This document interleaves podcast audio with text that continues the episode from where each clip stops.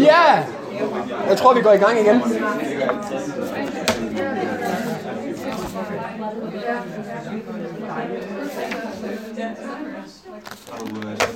Yes, så den optager ingenting i øjeblikket. Nu. Håber, I fik hygget jer i pausen. Det bliver så formelt ikke, når. Velkommen tilbage. Nu er vi færdige med øh, det gamle testamente. Med denne tråd. Det kan være, vi kommer tilbage næste gang, der er perspektiv. Jeg har ikke definitivt afsluttet det gamle testamente. Men nu vil jeg prøve at se, om der er nogle af de samme tråde, som strækker sig op i det nye testamente. Og det kan jeg fortælle jer, at det var der. Og det prøver vi at kigge på nu. Maria, Jesu moder. Kan I tænke lidt over det? Mm-hmm. Hun var en teenager. Hun var forlovet, eller trolovet med sin kommende mand Josef. Og englen møder hende i en drøm og siger, du er blevet gravid ved Helligånden. Det der er, det er bare fantastisk jo. Det, er nok en, altså, det må være en syret besked. Men altså, ikke desto mindre, så er hun lige pludselig med barn, og det er jo uden, at Josef og Maria har kendt hinanden. Har Altså, kender ikke de oversættelser, hvor der står kender hinanden? Adam og Eva kendte hinanden. Ikke? Men Josef og Maria, de kendte ikke hinanden. De vidste godt, hvem hinanden var, men de kendte ikke hinanden. De havde ikke været sammen. De havde ikke ligget med hinanden. Og Josef tænker, ved du hvad, for ikke at bringe skam over hende, over mig, over det her, så fordufter jeg bare. Så er det herrens engel møder ham og siger, det er altså rigtigt nok, hvad hun siger. Hun er blevet, øh, hun er blevet frugtbar med Helligånden. Det er Helligånden, der har lagt Jesus i hendes mave. Og den her Marias lovsang, som kommer, I kender i den, Marias lovsang, som kommer i 1. Lukas 49, 56. Den skal vi høre. Det er jo- en, en lovsang, som er blevet verdenskendt, og man er rigtig glad for den i den katolske kirke. Øh, jeg er også ret glad for den. Jeg synes, den er god. 1. Lukas.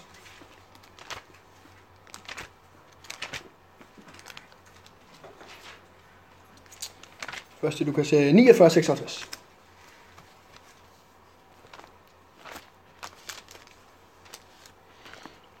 Mhm. 49. Det er 46. Det er jeg ked herfra. 46. Min sjæl høj lov Herren, og min ånd fryder sig over Gud, min frelser. Til han har set noget til sin ringe tjenerinde. Se herefter skal alle slægter prise mig salig. Til den mægtige har gjort store ting imod mig. Helligt er hans navn, og hans barmhjertighed varer fra slægt til slægt over dem, som frygter ham. Han har ydet vælde med sin arm, splittet dem, der er hårdmodige i deres hjerters tanker. Stormænd har han stødt for troner og løftet småfolk op i højhed. Løftet småfolk op i højhed. Hungrige har han mættet med gode gaver og sendt rige tomhændet bort. Han har taget sig af Israel, sin tjener, og kommet barmhjertigheden, og han har husket på barmhjertigheden imod Abraham og hans slægt til evig tid, sådan som han har lovet vores forfædre. Hmm. Det er altså Marias lovsang, hvor hun priser Gud for at have set til, hun tænker fordi, at nu kommer Messias, ham som skal frelse hele Israel. Og han har set til den ringe tjener ind. En pige, som ikke engang er gift. Og der står også et andet sted at øh, i i Lukas 2:19, at alle de ord, hvor at englene synger på marken om, at frelsen er kommet, hun siger, hun gemte det i sit hjerte.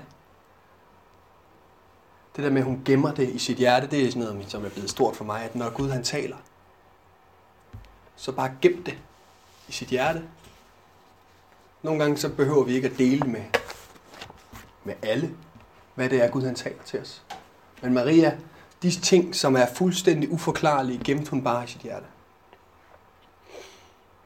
Så Gud bruger et lille menneske, en lille teenage-datter, til at føre sin frelsesplan ud i verden.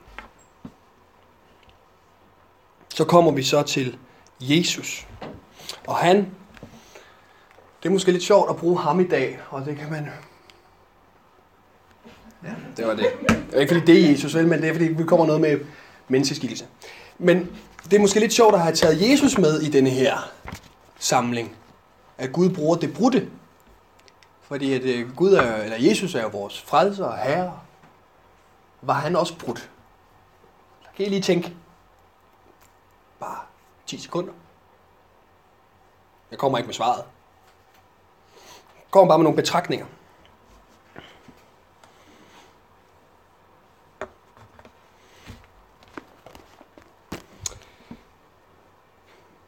Vi skal læse fra 1. Johannes, nej, fra Johannes evangeliet, kapitel 1, vers 1-5. Det er nogle meget, meget kendte vers omkring Jesus. I begyndelsen var ordet, og ordet var hos Gud, og ordet var Gud. Dette var begyndelsen det var i begyndelsen hos Gud. Alt er blevet til ved det, og uden det er intet til af det, som er. I det var liv, og livet var menneskenes lys. Og lyset skinner i mørket, og mørket fik ikke bugt med det.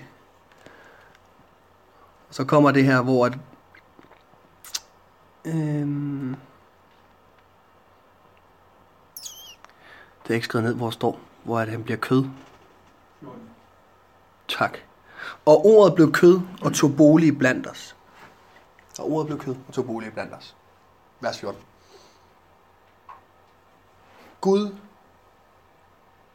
bliver menneske.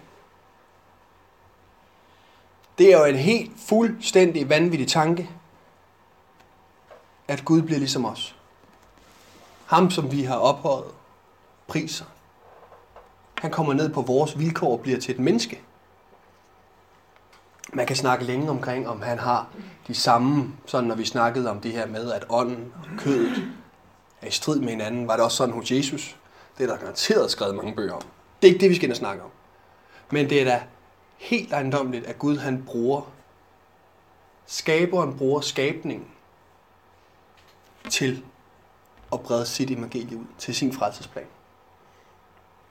Og vi skal læse fra Filipperne 2, 6-8. Og det er der, hvor det her billede det bliver... Ja, jeg ved ikke, om det, man kan det bliver relevant, men det kommer i hvert fald ind der. Vi skal læse fra Paulus brev til Filipperne 2, 6-8. Da han var i guddomsskikkelse, holdte han det ej for et røvet bytte at være Gud lige men han gav afkald og tog en tjenerskikkelse på og blev menneskerlig. Han tog en tjenerskikkelse på, og han blev menneskerlig. Jeg synes bare, det er interessant, at Gud han bliver menneske. Søren Kierkegaard, som er, som er det må jeg bare sige, det teologiske fakultet, som jeg går på, det er jo, han, det er jo måske den bedste mand inden på det teologiske fakultet. Hvis man kan nævne Søren Kierkegaard i en sætning, så er du home safe. Altså, så, så er det lige meget, hvad du ellers har sagt til den eksamen, eller til det foredrag, eller hvad. Men man bare kan nævne Søren Kierkegaard. Så jeg tænkte, hvorfor ikke lige nævne Søren Kierkegaard? Søren Kierkegaard, han siger, der var ligesom tre muligheder for, hvordan at Gud han skulle vise sin kærlighed til mennesket. Der var tre muligheder for, hvordan vi vil forstå den kærlighed, Gud han har til mennesket. Vi læser i Johannes 3,16, at så højt elskede Gud verden, at han gav sin enborne søn, for enhver, som tror på ham, ikke skal fortabes. Han elskede verden så meget. Men hvordan i alverden både overbeviser han, eller fortæller han os, at han elsker os så meget? Hvordan kan han kommunikere den kærlighed, Søren Kierkegaard siger, det er det, der er ulykkelig kærlighed. Det er, når man ikke forstår, man ikke kan forstå hinanden, man taler to forskellige sprog, det er ulykkelig kærlighed.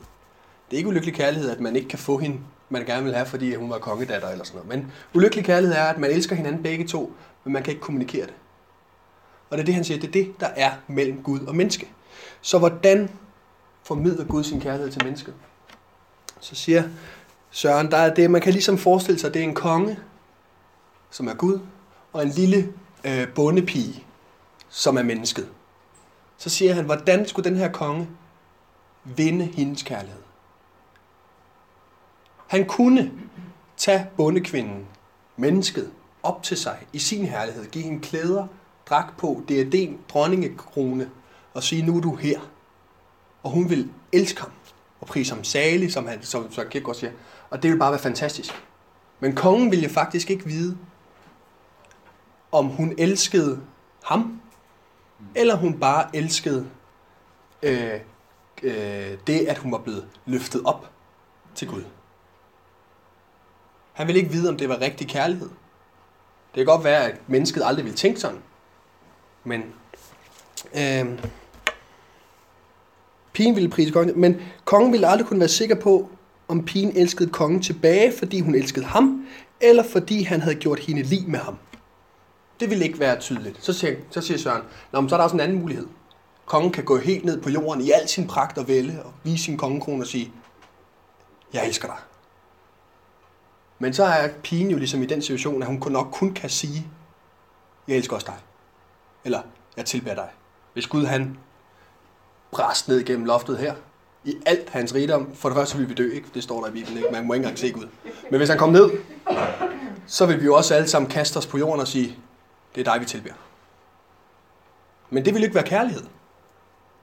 Så siger Søren, der er kun én mulighed tilbage, og det er, hvis kongen han tager al sin prompt og pragt af, tager en menneskeskikkelse på, bliver ligesom bondepigen. Og ikke bare en kappe, han tager på, fordi så ville det jo bare være skin og bedrag. Men han bliver nødt til at iklæde sig det 100%. Og bliver nødt til at dø som den her også. For at det kan blive rigtig kærlighed. Og det er det, som Jesus han går ned og gør. Ham, som var ordet, og ordet var hos Gud, og ordet var Gud. Han tager ligesom skabningen på, den skabning, han selv har skabt, bliver lige med os, for at vi kan forstå, hvor stor kærlighed han har til os. Det er da helt vildt. Så Gud han vælger altså os, det svage, mennesket, til at udtrykke sin frelsesplan og sin kærlighed til os. Der vælger Gud altså os det svage. Så har vi Thomas tvivl. Man kan, altså mange af de her ting kan man sige rigtig meget mere om, ikke? men sådan det. Thomas tvivleren og de andre disciple, så Kæus, det er nogen, som Jesus han vælger at omgive sig med. Nogle af dem, som han ved, det her, de skal videreformidle mit budskab, når jeg engang er taget til himmels. Og det er altså også bare en flok drenge, fiskere, der har løbet rundt og fisket, nu er Jesus kommet forbi og sagt, følg mig. Og så tænker de, det der, det vil vi. Og så følger de ligesom efter Jesus hele vejen, og det, når man læser Bibelen igennem, så er det ligesom om, man de aldrig helt forstår, hvem Jesus han er. Vel, altså, at de kan godt lide ham, og han gør mirakler og under, men når Jesus han siger, at jeg skal dø, så siger Peter, visse skal du aldrig dø. Og så siger Jesus, vi bag mig, satan. Ikke? Altså, de, de forstår ikke, hvem det er, de har med at gøre. Peter siger, du er Kristus, den, øh, du er Kristus Guds søn. Og alligevel bagefter, så kan han ikke forstå, at han skal dø. Altså, det er som om, at de ikke forstår det. Og Thomas, ham vi kalder tvivleren, han har fået et kedeligt eftermæle, ikke? Thomas tvivleren. Eller er det nu så dårligt? Mm. Mm. Puh, er bare. En cliffhanger der. Jeg tror egentlig ikke, det er så dårligt igen. Hvis vi ser på Johannes kapitel 14, vers 5.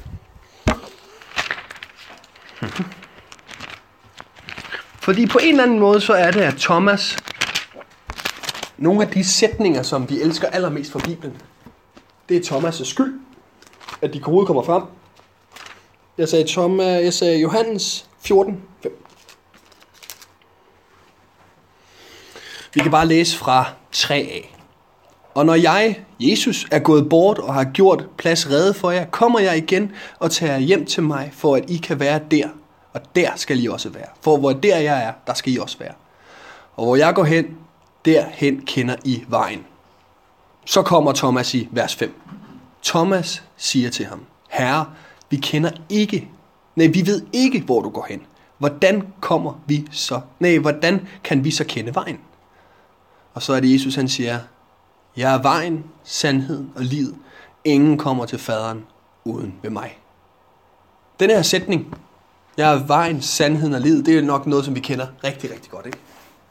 Der er lavet mange ting om, at det er til opmuntring og trøst for os alle sammen. Jeg er vejen, sandheden og livet. Ingen kommer til mig uden faderen. Eller, ingen kommer til faderen uden mig. Den sætning havde jo aldrig nogensinde været der. Hvis der ikke var en, der har rakt fingeren op og sagde, jeg ved faktisk ikke, hvad du mener. Man kender det godt, ikke? Der er nogen, der snakker. De siger noget klogt. Man siger, det tænker jeg også selv, eller er det rigtigt? og man ved faktisk ikke helt, hvad det er, de snakker om. Eller, det kender jeg i hvert fald ud på teologistudiet. Ikke? Nogle gange så siger de bare noget. Eller ikke, jeg tror, de ved det, hvad de snakker om. Ikke? Men man gider ikke række hånden op, hver gang man ikke forstår det. Nogle gange tænker man, okay, nu har jeg sagt det et par gange, jeg ikke forstod det, men nu, nu griner jeg bare med. Kender I ikke det? Nej, vel? Mm, lidt. Det er lidt ligesom om, at de andre disciple siger, ja, okay, du går til faderen og laver en bolig og kommer tilbage, for at du, vi kan være samme sted som dig, og ja, det er fedt. Ikke? Men Thomas, han tør godt at sige, jeg ved ikke, hvad du mener. Fortæl mig det. Og Gud, han straffer det jo ikke, eller Jesus straffer det jo ikke og siger, din udulige disciple. Han belønner det faktisk med en sætning, som er gået igennem kirkehistorien, som måske en af de flotteste sætninger. Jeg er vejen, sandheden og livet. Senere så er det jo, at vi, at Jesus han er stået op for graven, og to disciple løber hen til de andre disciple og siger, Jesus er opstået. Og så siger han, det tror jeg ikke på, før jeg får lov til at stikke fingrene i siden på ham og gennem hænderne på ham. Og lige når han har sagt det, bum, så står Jesus der lige i midten og siger, Thomas, du kan jo bare komme her og stikke fingrene i siden og igennem fingrene på mig. Og så siger Jesus, øh, nej, det er lige mig. Men Thomas bliver på en eller anden måde anerkendt for at tvivle. På en eller anden måde, så kan Gud, Jesus godt rumme det, selvom de har gået sammen i meget lang tid. Og Jesus har undervist og undervist og undervist og forklaret og forklaret. Så kan Jesus på en eller anden måde godt rumme, at Thomas stadigvæk ikke har fattet pointen. Jesus, det er jo, Jesus er jo ikke bare død og opstået, og uden de har hørt noget om det her. Jesus har fortalt mange gange, at han skal dø, men han skal opstå den tredje dag. Og det er de bare ikke rigtig forstået. Og fordi at Thomas han, ja, man kan ikke sige, jeg ved ikke, om man kan sige fordi, jeg siger det. Fordi at Thomas han fik lov til at mærke, at det her, det er Jesus, så blev hans tro så stærk, at han i legenden var ham, som tog kristendommen med til Indien og prædikede evangeliet i Asien. Det ved jeg ikke, om han ville have klaret, hvis han ikke fik blev mødt på hans behov. Mange gange så kan vi godt snakke om, at uh, tvivl, det er ikke så godt. Ej, jeg tvivler lidt i øjeblikket. Uha, skal jeg hjælpe dig ud af det? Eller, åh, det er jeg ked af at høre. Eller. Men Jesus rummer det. Jeg ved ikke, om jeg, det er ikke fordi, jeg siger, at det er godt at tvivle. Nogle gange er det godt at tvivle, så man lige får sat tingene rigtigt på plads. Men den Jesus, vi følger efter, han kan altså godt rumme alle vores fejl og mangler og mangel på tro. Det kan han godt.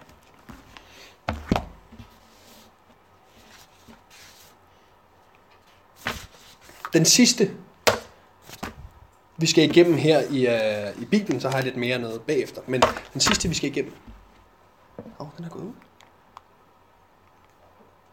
Jeg havde ellers billeder af... Nå, det er ja, det, kan, det, det skal vi snakke om lidt.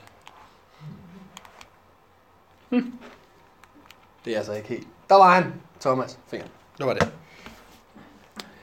Paulus er bare den sidste, jeg vil trække frem. Tom, øh, Paulus som hed Saulus, inden han blev ramt af lyset af Gud og Jesus, han var nidkær efter at få udryddet alle dem, som begyndte den her nye form for jødedom, som vi senere i dag kalder kristendom. Den her jøde, de her jødekristne. Dem har han ligesom videt sit liv til, dem skal jeg nok få stoppet. Øhm, han sender et brev til Jerusalem, synagogen i Jerusalem, om at få lov til at tage til Damaskus og ødelægge det hele. Alle de kristne. ned med dem. Og ham møder Jesus. Og det synes jeg giver lige så lidt mening og lige så stort håb som med Jonas. Hvorfor i alverden bruger Gud ham? Han er jo direkte, øh, altså, han er jo ikke svag, han er jo, altså hvis det her det er meget tro, og det er lidt tro, og det her, så er det meget imod tro, ikke? Eller han er jo under de svage, ikke? Han er jo mod, han er modstander af alt det, der sker. Og ham vælger Jesus at sige, du skal sprede evangeliet, de gode nyheder, du skal følge det efter den rigtige. Paulus han bliver mødt af det her kæmpe lys, og så siger han, hvem er du? Så siger jeg, Jesus, jeg er ham, du forfølger. Så Jesus vidste det jo også godt. Det er ikke fordi, Jesus lige tilfældigvis tænkte, ham der, han kan noget. Jesus ved jo godt, at ham her, han er berygtet, og øh, de kristne kender godt Saulus. De ved godt, det er ham, som har stået for, at rigtig mange kristne er blevet øh, ført til dom. Men Jesus vælger at møde ham og bruge ham. Det giver håb for os, ikke? Gud, Jesus. Det er svært at finde kriteriet for, hvordan man skal, hvordan man skal være for at få lov til at blive brugt af Gud. Det virker næsten som om, der ikke er noget kriterie. Det kræver bare, at man er villig. Det er dejligt. Så jeg synes, at det er øh, et tydeligt mønster igennem Bibelen. Jesus han tager det, som Maria siger, småfolket og ophøjer det. Han tager det brudte, de svage, dem som tænker meget lidt om sig selv, og fører det frem. Vi har det skriftet, der hedder i 2. Korinther 12.10. I min magtesløshed, så er jeg stærk. Når jeg kommer til kort, så er det jo, at Gud han siger, jamen må jeg så ikke hjælpe? Nu har du gjort alt, hvad du tror, du skal gøre. Du har bedt, du har læst i din bibel, du har været i kirke fire gange på et måned. Begge gudstjenester. Der sker stadig ikke noget, og vi føler os magtesløse. Så er det, Jesus kommer ind og siger, må jeg ikke snart få lov til at hjælpe dig? Hvornår giver du plads til mig? Dermed ikke sagt, at når vi ikke er magtesløse, så er, Gud, så er Jesus ikke stærk. Det kan han også være. Det er bare oftest, når vi selv kommer til kort, at vi opdager, at Jesus han er med os.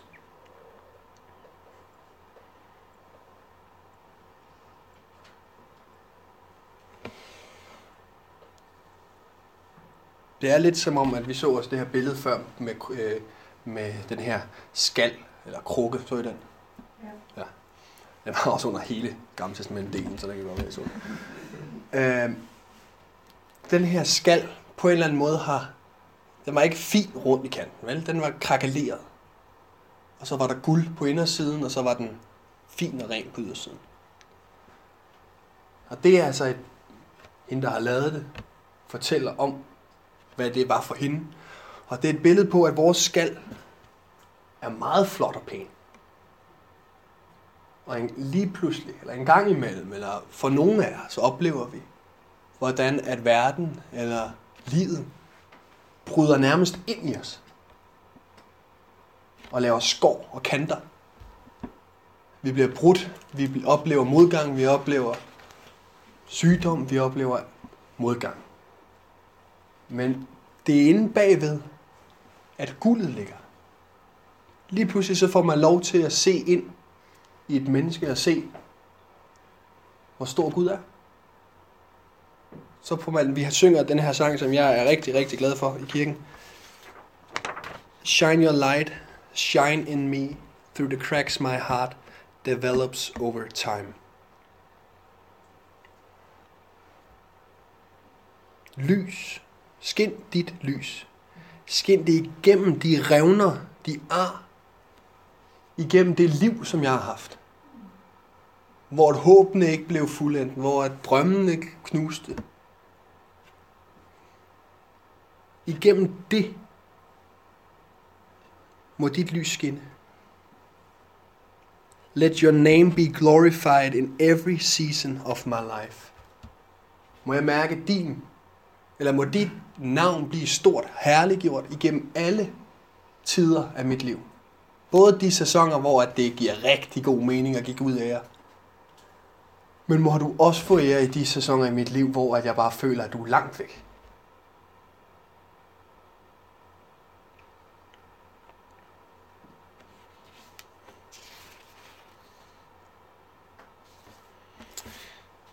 Det er sådan med øh, de der to. De der to. Tolkien og C.S. Lewis. Tolkien er jo kendt for at have skrevet Ringens Herre 1, 2, 3, Hobbiten 1, selvom der er tre film. Øh, C.S. Lewis, han har øh, lavet Narnia, den store... Ja, han har, virkelig, han har faktisk skrevet rigtig mange bøger. Øh, jeg har læst øh, Narnia-bøgerne, og jeg har også læst... Øh, han har lavet sådan en trilogi, en rumtrilogi, science fiction trilogi. Tri, trilogi. Er du af jer, der kender den? Den er virkelig god, ikke? Nå, det er de to. C.S. Lewis, han er ateist. Og Tolkien, han er kristen, han er katolik. Og de to, de sidder sammen tit og ofte på en café, en bar var det nok, og sidder og snakker. Og på en eller anden måde, så øh, C.S. Lewis beskriver hans omvendelse som et barn, der spjætter og spræller imod, men på en eller anden måde til sidst overgiver sig til det, det kram, som hans far gerne vil give. Og C.S. Lewis må man sige, han er godt nok blevet brugt meget til at brede evangeliet. Og øh, Tolkien har man også, har, ja, har jeg i hvert fald fået rigtig, rigtig meget glæde af, og teologiske tanker. Men man kan sige, at på en eller anden måde er Ringnes Herre ikke lige så klar i, hvad der, hvad der er... Øh, har I set Ringnes Herre? Mm. Det er lidt sværere at sige, det er Jesus. Man vil jo gerne have, det er Gandalf, men Gandalf laver også nogle ting, hvor man tænker, det er ikke Gandalf. Øh, hvor at C.S. Lewis med Narnia er det meget nemt at se. Aslan, det er Jesus. Og børnene, det er os. Men der er alligevel én ting i de her to, som er øh, alt overskyggende for mig. Skal jeg se, hvad for billeder kommer først. Mm. Det her. I will take the ring to Mordor, though I do not know the way. Denne her lille hobbit, det er altså den mindste. Altså han er, han er ikke særlig høj. Og så er han sammen med den, den bedste bueskytte, den bedste sværmand, bedste øksemand, troldmænd, elver, hele bundet. Ikke? Og alligevel er det ham, der siger, jeg, jeg kan godt tage ringen til Mordor. Den mindste af de der. Gandalf siger, at ude i verden, så ved man ikke engang, der er hobitter. Man tror, de er væk, fordi de bare lever for sig selv. Er det et, øh, et mønster, man kan trække, at, at Gud bruger det svage til at frelse verden? Kunne man måske sige. Jeg skal i hvert fald bare ikke lade være, I will take the ring. Selvom at det er ham, det giver mindst mening. Han kan ikke forsvare sig selv. Det giver mindst mening at vælge ham. Men derfor giver det måske mest mening. Så er der de, der er fire, ikke? men der er tre lige der. C.S. Lewis vælger også at bruge børn. C.S. Lewis vælger også det mindste, fordi han ved, at det er igennem det mindste, det brudte, det svage, at Guds ære kommer til udtryk.